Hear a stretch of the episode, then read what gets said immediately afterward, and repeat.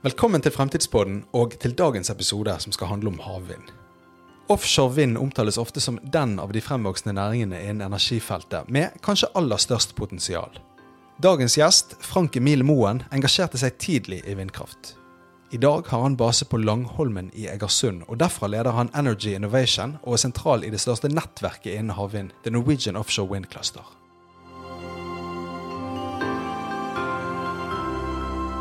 La meg først starte med et helt åpent spørsmål, sånn at vi får med oss alle lytterne. Hvorfor er det så mye entusiasme rundt havvind nå? Fordi det er veldig store forventninger til markedet. Eh, per i dag så er det bygd opp 20, eh, altså rundt 33 gigawatt med havvind globalt. Innen, innen 2050 så forventer vi at vi i Europa kommer til å ha 450 eh, gigawatt totalt. Altså en enorm vekst. Og Før vi går videre inn på det temaet, så la oss bli litt bedre kjent med deg. Du er marinbiolog, og så er du ikke fra Egersund, men du har flyttet dit. Og det har jeg hørt det fordi du, du flyttet dit for å kunne spille undervannsrugby, er det riktig? Eh, ja, det stemmer. Dere kan vel gjerne høre på dialekten min at ikke, jeg har sånn utprega egersundsdialekt. Og det har sammenheng med at jeg reiste ned til Egersund da jeg var ferdig utdanna marinbiolog i Trondheim eh, i 93. og skulle egentlig bare jobbe ett år. Grunnen til at jeg valgte Egersund, var at de hadde et veldig godt undervannsrugbylag, og det drev jeg på med. og, uh, og, så er det en lang historie. Uh, kort fortalt så skulle jeg egentlig på en jordomseiling året etter fortsette tjene penger da, i Egersund. Jeg drar på jordomseiling sammen med noen studiekollegaer og fortsetter med doktorgrad på taskekrabbe oppe i Trondheim. Men dette første året eh, jeg var i Egersund, så ble da kona gravid. Og, og da ble det ingen jordomseiling, og det ble heller ikke noe doktorgrad. Og, og eh, karrieren tok en litt annen retning. Jeg ser et mønster her. Altså jordomseiling, marinbiologi, undervannsrugby. Du dras mot havet? Ja, definitivt. Veldig glad i havet. Eh, og havet, havrommet, altså havet dekker 70% av jordas overflate.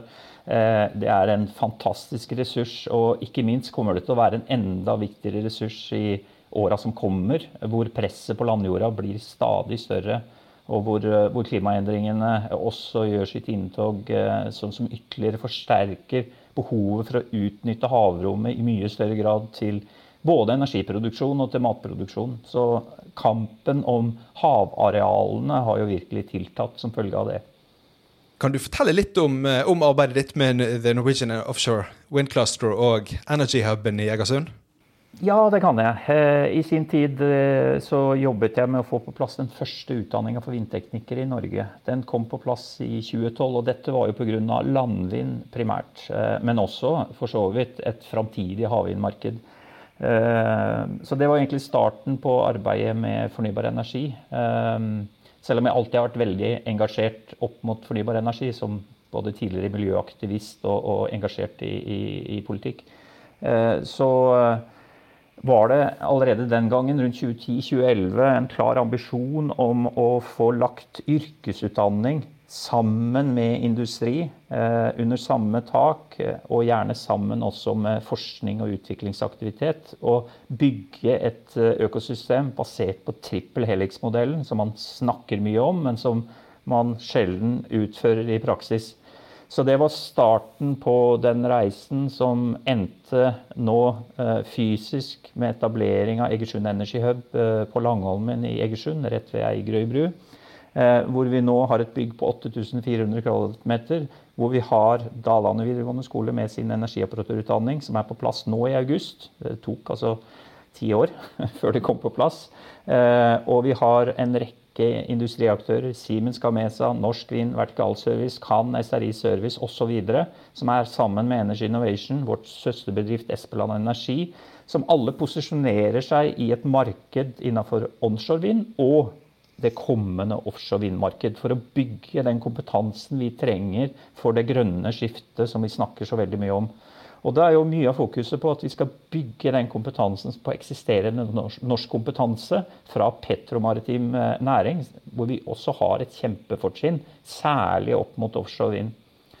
Så øh, denne huben, Egersund Energy Hub, det litt morsomme nå er jo at øh, nå er 80% av 8400 kvadratmeter allerede eh, leid ut. Og vi, vi, begynner nå å få plassmangler. Vi begynner å planlegge nå nye bygg her ute på arenaen. Fordi det viser seg at det vi har gjort så langt, flytta inn 15.11. i fjor, så det er ikke veldig lenge vi har vært her, eh, får veldig stor oppmerksomhet. Og det er mange aktører som ønsker å være en del av dette økosystemet. Hvis Stavanger er oljehovedstaden, er det sånn at jobber du for å gjøre Egersund til, til vindhovedstaden?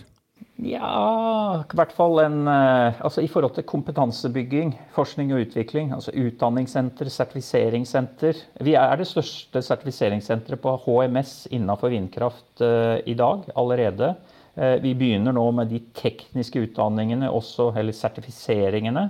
Vi har den eneste vindteknikkutdanninga. Så ja, jeg vil si at vi er det fremste senteret, og gjerne en hovedstad for det som går på kompetansebygging på on- offshore vind i Norge. Du, eh, Vi hadde Klaus Moen som gjest i tidligere episoder av denne podkasten. Og han trakk frem havvind som den av næringene under utvikling som kanskje har aller størst potensial. Eh, det var da vi snakket om Norge og tiåret vi er inne i nå, frem mot 2030. Hvis vi ser litt fremover, hvordan tror du at havvindindustrien vil se ut i 2030 i Norge? Ja, Det er et veldig godt spørsmål. Eh, I Norge så er det jo sånn at vi fått eh, Vi får verdens største flytende vindpark eh, installert til neste år gjennom Hywind Tampen, som jo skal forsyne Gullfaks og Snorre med fornybar energi. Det kommer til å generere en god del arbeid, eller det genererer en god del arbeid allerede gjennom installasjonsfasen og byggefasen, hvor f.eks. Kverner, nå Aker Solutions, har ansvar for fundamentene. Ehm, men så er det spennende eh, å se hvor lang tid tar det før man kommer i gang med utbygginga på de to områdene som regjeringa har sagt er åpna for havvind. Utsira nord, som er for flytende. Dette er store dyp utafor Utsira.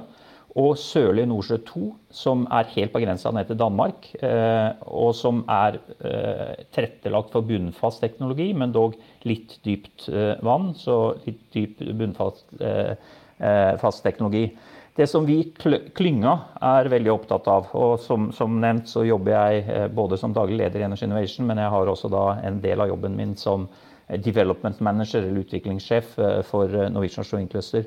Det vi er veldig opptatt av nå, er at den prosessen som skal gå fram til man får en konsesjon for å kunne bygge ut, at den blir så effektiv og god som mulig. At man demper konfliktene som vi vet er der i forhold til arealbruk, i forhold til eh, spørsmål knytta til påvirkning marint liv, i forhold til fiskeriinteresser etc. At vi evner å dempe de konfliktene gjennom å ha god dialog og være kunnskapsorienterte i, i den debatten. Eh, og, og, løfte det på et fornuftig nivå, og samtidig kunne kjøre noen prosesser parallelle. Og ikke gjøre sånn som det legges opp til nå gjennom den veilederen som nå har vært på høring, eh, som egentlig sier at dette skal ta nærmere ti år. For tar dette ti år, så betyr det i praksis at i 2030 Altså det er først i 2030 vi kan risikere at det blir 2033 før disse vindparkene er oppe og går. Og da mister Norge et fortrinn, særlig knytta til flytende havvind, hvor vi er i førersetet per i dag. Fordi all erfaring tilsier, og det har vi også fått et par konsulentrapporter til å, til å understreke, at uten et aktivt hjemmemarked, desto mindre eh, del av det globale markedet evner vi å ta. Så Eh, for oss er det kjempeviktig at vi kommer i gang med et eh, vitalt hjemmemarked for at norsk leverandørindustri skal ha en arena å dyktiggjøre seg på i et globalt marked som vokser noe aldeles voldsomt. Dog vokser det mest på, eh, på, i, i volum på bunnfast, men det er et kjempespennende flytende vindmarked som virkelig kommer til å ta av når man greier å redusere kostnadene på installasjonene. Ja, for det er jo, som du sier, i ferd med å bli stort ute i verden. Forespeiles veldig store utbygginger. Sintef-rapport som det ble referert til i Teknisk Ukeblad her nå i august, der de sa at Norge bare lå an til å ta en andel på 1 promille av det internasjonale markedet i det var vel 2025 de regnet på da. Går det for langsomt? Er det det du sier nå også? Ja, altså det er veldig bra at man har åpna områder. Det er veldig bra at det har kommet signaler om at man allerede til våren eh, neste år skal jobbe med å åpne nye områder. Eh, det som er kjempeviktig, er at eh, den prosessen som går på den, disse godkjenningene, er, er gode. Og at man ikke, sånn som man har opplevd litt innenfor vindkraft på land, særlig de siste par åra, at uh, prosjektet blir liggende i en skuff hos OED eh, til klagebehandling. Og så får verken de som er imot og de som er for, får, eller som, som, jobber med prosjektene, får, får et svar på klagebehandlinga. For man risikerer, hvis det er mye konflikt, at ting blir putta i en skuff, og det tar for lang tid. Og da taper norsk leverandørindustri markedsandeler, uten tvil. Så, så Derfor har vi et veldig altså vår, Vårt innspill til veilederen, eh, pri 1, det er å ha fokus på å gjennomføre disse prosessene med høy kvalitet, høy presisjon, la, dempe konfliktnivået og komme i mål så raskt som praktisk, praktisk mulig. Altså Man greier det på fem år i USA. Eh, da spør vi oss det, eh, hvorfor skal vi bruke 10, kanskje 11-12 år i verste fall på de samme prosessene. I Norge har vi jo nå en stor bransje som er rettet inn mot eh, fossile energiformer, olje og, og gass, med en stor leverandørindustri. Hvor, hvor, vil, hvor, tror du initiativene til å få til en omstilling fra det, og hvor bør de initiativene komme fra? Ja, vi, vi, ser det i høyeste grad eh, at de initiativene er mange allerede. Altså Norwegian Offshore Windcluster har per i dag, med den siste innmeldinga vi fikk i dag, så har vi 310 medlemsbedrifter. Altså Vi har vokst med 179 medlemsbedrifter på ett år. Altså mer enn dobla oss. Og det er jo et uttrykk for at industrien er våken. Industrien er klar over at dette skiftet kommer. Og norsk industri er i en posisjon hvor de vet at det er relativt uh, små grep som skal til for at de er leveringsdyktige inn, inn i de, des, dette markedet. Og, og, men de må kompetanseheves. De må bli kjent med verdikjeden, med med hvor Eh, kontraktsformene. De må etablere kontaktene med de internasjonale selskapene som i dag bygger havvind, og som planlegger utbygging av havvind de neste åra i vårt hjemmemarked, som vi, vi sier er hele Nordsjøbassenget.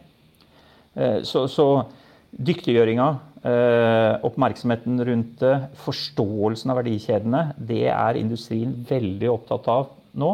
Og Derfor ser vi også veldig stor interesse for arrangementer vi har, hvor nettopp det er tema. Eh, vi skal ha eh, som kjent OTD Energy i Stavanger 20. og 21. Eh, oktober, og vi ser jo en enorm interesse for å være med der. Og den arenaen skal vi bruke for å dyktiggjøre de som er våkne nok til å skjønne at de bør være til stede der, på hvordan de kan ta en posisjon, hva som er mulighetene i dette markedet. Hvordan vurderer du muligheter for å anvende norsk offshoreteknologi inn mot offshore vind? Allerede i dag så er det jo eh, eh, altså Selskap som Able eh, f.eks. har store leveranser til havvind allerede. Fred Olsen, Wind Carrier og Fred Olsen-konsernet har lykkes og er jo faktisk den, den, største aktøren i sitt segment. Vi har den maritime kompetansen, vi har den petromaritime kompetansen. Vi har veldig mye av det som skal til for å kunne levere vi har ikke en turbinproduksjon, eh, men for havvind sin del så er turbinen faktisk eh, en, en, heldigvis en forholdsvis mye mindre andel av hele verdien eh, enn den er på landvind. Så for havvind, f.eks. Flagship-prosjektet, som kommer eh, til neste år og blir installert på MET-senteret utenfor Karmøy, det er altså basert på Condip-teknologien. Dr. Tech Olav Olsen, norsk selskap, som har utvikla en flyter for, eh, for, store flytende turbiner. Eh, leveransen i det prosjektet, selv om det er Iberdrola som spansk selskap som går inn og tar hovedfinansiering av det, eh, og så får de en god slump penger fra EU, faktisk 25 millioner euro, og noe fra Enova i Norge. 80% av den leveransen kommer fra norske leverandører. Og det viser at innenfor flytende vind så kan norsk eh, leverandørindustri bidra til, eh, til store andel av den verdiskapinga. Og så er det én ting som vi ikke snakker så veldig mye om, men drift- og vedlikeholdsfasen i disse prosjektene den pågår jo i 25-30 år. Og det er store verdier knytta til eh, drift og vedlikehold. Ta et eksempel. Energy Innovation er en del av Norseman-konsortiet, Norseman Wind, som, eh, som, har det tyske energiselskapet ENBW som, en, som, hovedaktør, fordi de har lang erfaring med å bygge vindkraft. De bygde den første offshore vindparken i 2009 i Nordsjøen og, og har 1 gigawatt i operasjon. Og har allerede 6 gigawatt som de skal installere før det blir snakk om å installere noe på Sørlige Nordsjø 2, for der blir det en konkurranse først. Axlution er med i dette konsortiet. Hitachi ABB er med i dette konsortiet. Energy Innovation og Kaera, som er vårt moderselskap, som er et Stavanger-basert selskap som i dag har over 300 eh, eh, ansatte som jobber med drift og vedlikehold innenfor olje og gass. Disse eh, skal vi dyktiggjøre og omskolere gjennom senteret her i Egersund til å kunne levere eh, tjenester på drift og vedlikehold Eh, det går på drift og vedlikehold i alle segmenter av denne parken, eh, eller disse havvindparkene. Det er på substasjonene, eh, altså HVDC-stasjonene. Det er på selve flyteren, det er på kabler, det er på forankring. Og det er på selve turbinen, på nacellen, altså de som er vindteknikere. Og ikke minst de som skal sørge for at disse bladene, turbinbladene er i good shape Sånn at man ikke taper stor energiproduksjon som følge av dårlig aerodynamikk, som følge av erosjon på kanten av disse bladene. Så i dette prosjektet på Sørlige Nordsjø 2, som, som, vi kommer til å søke på, på 1,4 gigawatt, så er det en Capex på 35 milliarder eh, eh, norske kroner. Og en Opex på mellom 600 og 800 millioner kroner. Sånn at eh, det er store verdier, store tall, eh, man snakker om. Eh, for EU, altså for, eller for Europa med 450 gigawatt eh, innen 2050, så snakker vi om en OPEX på, på 300 milliarder euro. Og, og en Capex på, på 1400 eh, milliarder euro. Så det er noen vanvittige tall. Du er inne på litt utbygginger. og sånt. Kan, kan, du gi en sånn rask innføring i hvilke utbygginger som kommer fremover i Norge? Ja, Det er uh, Hywind Tampen som er under utbygging nå, som, uh, som, kommer i 2022. Verdens største flytende havvindpark med 88 megawatt installert effekt. Uh, så er det disse to områdene som er lyst ut. Utsira nord for flytende. Men som sagt, det vil ta mange år før man er i gang der. Dog gjelder det å være våken, fordi at kontraktene inngås lang tid i forveien før man faktisk bygger ut. Eh, og så har vi Sørlige Nordsjø 2, som er det området som ligger helt sør i Nordsjøen for bunnfast eh, offshore vind.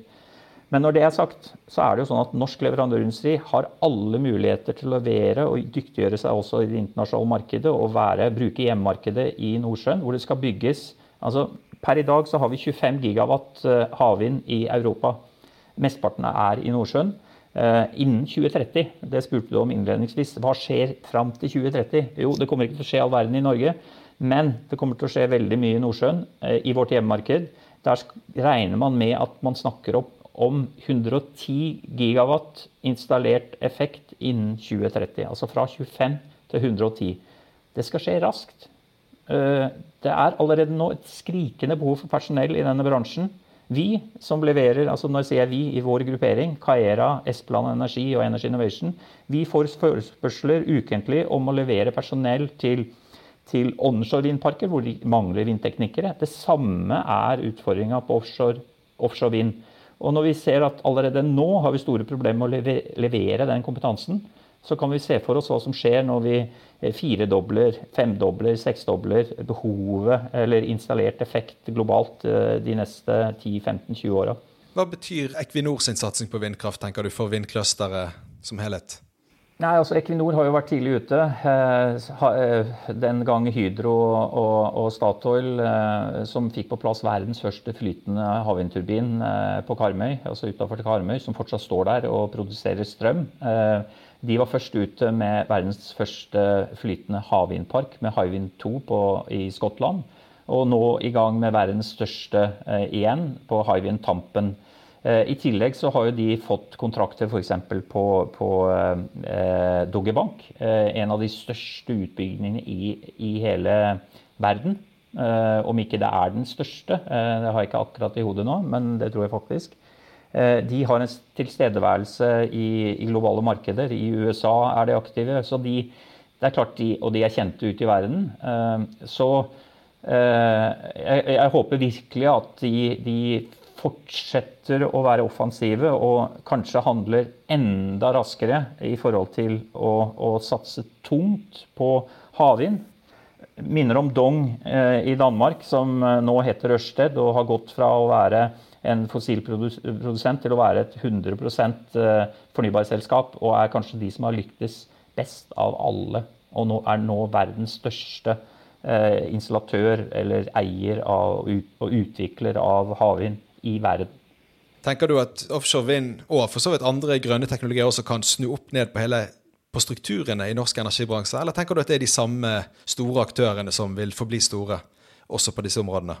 Eh, det er et veldig godt spørsmål. fordi Det vi er opptatt av i klynga, er at man skal skape et leverandørmangfold når man nå lyser ut disse områdene Utsira nord og Sørlig Nordsjø 2. Særlig for Utsira nord er dette viktig, fordi at, trenger, fordi teknologien er mindre moden. og Vi trenger å bygge nye leverandørkjeder. og Da ville det vært uheldig om det var bare de store eh, aktørene som eh, allerede har en leverandørkjede, som, som, fikk lov til å bygge ut. Eh, så Derfor har vi sagt at eh, for Utsira nord så bør det være minst tre, helst fem eh, områder som er adskilt, som tildeles tre til fem ulike aktører. Tilsvarende på Sørlige Nordsjø 2, der bør det være minst to, kanskje tre, litt avhengig av størrelsen på utbygginga. Der er det viktig at størrelsen er stor nok, så man kan bygge ut subsidiefritt. For det er det fullt mulig hvis man har store nok prosjekter. Forflytende vind er ikke det mulig enda. Men sånn var det heller ikke mulig på bunnfast for, eh, for relativt få år siden. Nå har altså bunnfast blitt så lønnsomt at du kan bygge ut uten subsidier. Eh, og det er også fullt mulig å gjøre på Sørlige Nordsjø 2. Men leverandørmangfold kjempeviktig for at du skal kunne få flere i Norge til å være bidragsytere inn i den leverandørkjeden. Ja, for nå er vi inne på det med lønnsomhet. Og vi hører jo kritikere som sier at havvind krever subsidier, det er en lang vei å gå før det står på egne bein. Men, men det stemmer altså ikke helt? Når det gjelder eh, bunnfast teknologier, så har det blitt lønnsomt. Altså, eh, det kommer selvfølgelig litt an på uh, forutsetningene i forhold til distanse til, til land, dybdeforhold osv. Men et godt havvindprosjekt bunnfast, det kan du bygge i dag uten subsidier. Og det er det mange eksempler på. Altså Man har hatt såkalt såkalte auksjoner, eh, hvor, eh, hvor, hvor de som vinner, vinner på bakgrunn av at de ikke skal ha ei krone i subsidier. En ting er jo på en måte lønnsomhet innenfor havvind i seg selv, men så er det dette med kompetanse på havvind som en eksportartikkel. Hva skal til, tenker du, for at Norge blir, blir stor på det, på samme måte som vi er innenfor ja, olje og gass? Det er kjempeviktig å bygge et hjemmemarked. Å få en arena som disse aktørene kan eh, øve seg på. Eh, det, er sånn du bygger eh, en nasjonal verdikjede i størst mulig grad. Altså, for all del, det er de som lykkes der ute. Men det er en direkte sammenheng mellom framtidig eksportverdi innenfor et sånt segment og hvorvidt du har et hjemmemarked eller ikke. Så Derfor er dette med hjemmemarked, å få det opp så raskt som mulig. Kjempeviktig for framtidige arbeidsplasser i Norge innenfor dette segmentet. Og når vi snakker om arbeidsplasser Hvis vi gjør som EU eh, e har sagt, at Norge bør bygge 30 gigawatt havvind innen 2050, eh, så snakker vi om hvis du har 30 gigawatt som skal installeres i planlegging og installasjonsfasen, så snakker vi om faktisk 750 000 full-time employees, altså fulltidsansatte, i den perioden selvfølgelig det, selve installasjonen og planlegginga foregår. Det vil jo da være et begrensa tidsrom som spres fram mot 2050. Så det reelle tallet av folk som jobber med planlegging og installasjon, vil jo være vesentlig lavere til enhver tid enn 750 000. Men det illustrerer allikevel hvor store tall det er snakk om. Når det går på drift og vedlikehold, så er det altså for 30 gigawatt havvind, ifølge ENBV, som har så lang erfaring på dette, og hvordan de beregner eh, personell som skal brukes i alle ledd av disse drift- og vedlikeholdsoperasjonene. Det inkluderer jo båtene, altså de som jobber som mannskap på båtene, de som eh, jobber på HVDC-stasjonene, de som driver med drift og vedlikehold av alle segmentene innenfor dette. Så snakker vi om 36 1000 fulltidsansatte i hele li, altså livsløpet til vindparken. Altså 25-30 år. Og da begynner vi å snakke om mye folk. Når vi vet at vi i norsk olje og gass stort sett vi ligger på en rundt sånn 50 000 direkte ansatte eh, som jobber, jobber, opp mot, eh, mot olje- og gassinstallasjonene. Og det tallet vet vi jo faller. Men det som er veldig bra, og som vi også har vært inne på, at vi kan bruke den kompetansen vi har innenfor olje og gass, og lage eh, omskolering, etterutdanningstilbud, som gjør at disse er i stand til å gå rett over i havvind, havvindbransjen. Vi har et kjempepreg i Norge ved at vi har en høyt utdanna befolkning. Eh, grunn, eh. Vi har mye fagarbeidere som kan dette med, med eh, offshore, elektro, overflate, ISO etc. Som alt sammen er relevant for dette havvindmarkedet. Og det er jo nettopp det vi gjør helt konkret her. Altså, vi ble kjøpt opp av Caera. Energy Innovation og Espelancery ble kjøpt opp av Caera nå i juni. De har altså over 300 ansatte som jobber i olje og gass. Og vi holder på nå i dag Eh, det gjorde vi forrige uke, det kommer vi til å gjøre i neste uke. Å omskolere disse, sånn at de har to bein å stå på. De kan fortsette å gå på rullering i olje og gass, men vi kan sende de nå eh, skrittvis inn på jobber innenfor drift og vedlikehold på vindkraft. Nå har vi ansatt oppe på Raggovidda i Finnmark, eh, som har sin første arbeidsuke eh, der oppe. Eh, lang erfaring fra olje og gass. Eh, de får noen tilleggskurs, og så kan de begynne med de enkleste oppgavene på drift og vedlikehold av vindkraftverk. Og På den måten kan vi over tid bygge denne kompetansen. Da er det viktig at vi har utdanningsinstitusjoner som har den kapabiliteten i å levere denne, denne kompetanseoverføringa. Det er viktig at vi har eh, får etablert fagskoleutdanninger innen det. Det har vi akkurat nå begynt med i samarbeid med Fagskolen Rogaland. Eh, og det er viktig at vi får universitetsutdanning, altså høyere utdanning, som eh, går inn på de mer komplekse, vanskelige operasjonene, planleggingsfasene, kostoptimalisering, eh, condition-based monitoring osv. innenfor havvind, og dyktiggjøre de på, på dette. Man snakker gjerne om hydrogen som et slags neste ledd i offshore vind, som lagring for overskuddskraft fra vindkraft med egne turbiner som konverterer elkraft til hydrogen, og at man da kan ta i bruk eksisterende infrastruktur, rør man har i dag, til å sende hydrogen av gårde. Kan du fortelle litt om potensialet som ligger der, sånn som du ser det? Eh, det er et enormt fokus nå på hydrogen og på det vi kaller Power to X i Europa. Eh, man har sikkert fått med seg debatten i Danmark. Man satser på noen energiøyer eh, rett og slett, hvor man skal bygge store energisentraler basert på havvind, men hvor man skal bruke havvinden på et vis off-grid og produsere hydrogen gjennom elektrolyse for å bruke denne hydrogenen inn mot transportsektoren, som jo trenger å fase ut eh, fossile brensler. Eh, særlig på de tunge transportene, på skip, tunge kjøretøy osv. Derfor er det et veldig stort fokus på det. En annen ting er at balansekraft er jo noe vi er veldig heldige at vi har mye av i Norge. Altså Norge har 50% av vannmagasinkapasiteten i Europa. Den besitter vi i Norge. Og det gjør jo at vi er i en unik posisjon i forhold til eh, si, griden vår. At vi alltid har mulighet for å kompensere ved å stenge og åpne den krana på vannkraften når vi produserer ustabilt fra vindkraft. Den eh, muligheten har de ikke nedover i Europa på samme grad. Derfor er de helt avhengig av et veldig godt utbygd grid.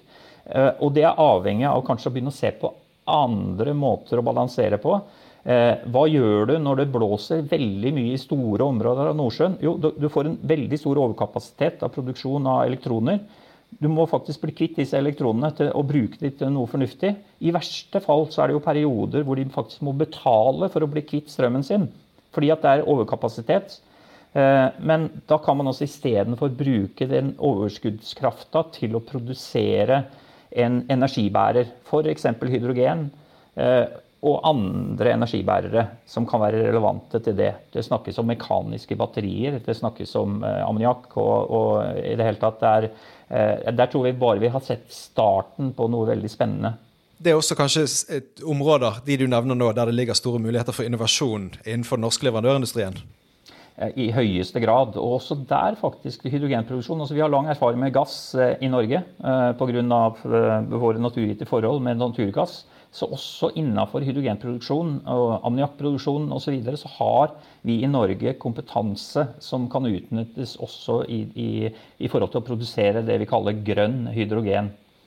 Helt til slutt, vi kaller podkasten for Fremtidspodden. Kan havvind en dag bli Norges aller viktigste næring? Det kan den faktisk. Eh, det er jo et vanskelig spørsmål. Men eh, altså, hvis man ser på det tekniske potensialet for å installere havvind i verden, så er faktisk Norge nummer to etter Australia. Altså, vi har enormt, en enorm mulighet. Eh, vi har veldig gode vindressurser, og vi har store arealer. Selvfølgelig må vi avveie hvordan vi bruker disse arealene opp mot annen arealbruk. Men vi har så naturgitte forhold til å virkelig ta en posisjon. Så eh, hvis vi gjør ting riktig, eh, så kommer Norge til å, å, å leve veldig godt også i framtida, når olje- og gassektoren eh, gradvis fases ut. Tusen takk skal du ha, Frank Mild. Jo, selv takk. Så håper jeg at vi ses, eh, kjære lytter, på OTD Energy. 19. på kvelden er det åpningsseanse. Og så er det to dager med masse innhold, messe, forventes opptil 30 000 deltakere på messen. Eh, vi har hatt opptil 500 påmeldinger per dag, så her er det om å gjøre å bare sikre seg en plass og være til stede. Og OTD Energy, som Frank Emil Moen nevnte helt på tampen her, er også initiativtaker til og bestiller av podkasten du hører på nå. Produsent er Kraftverk digital kommunikasjon ved Erling Keilen og undertegnede Kasper Synnevåg.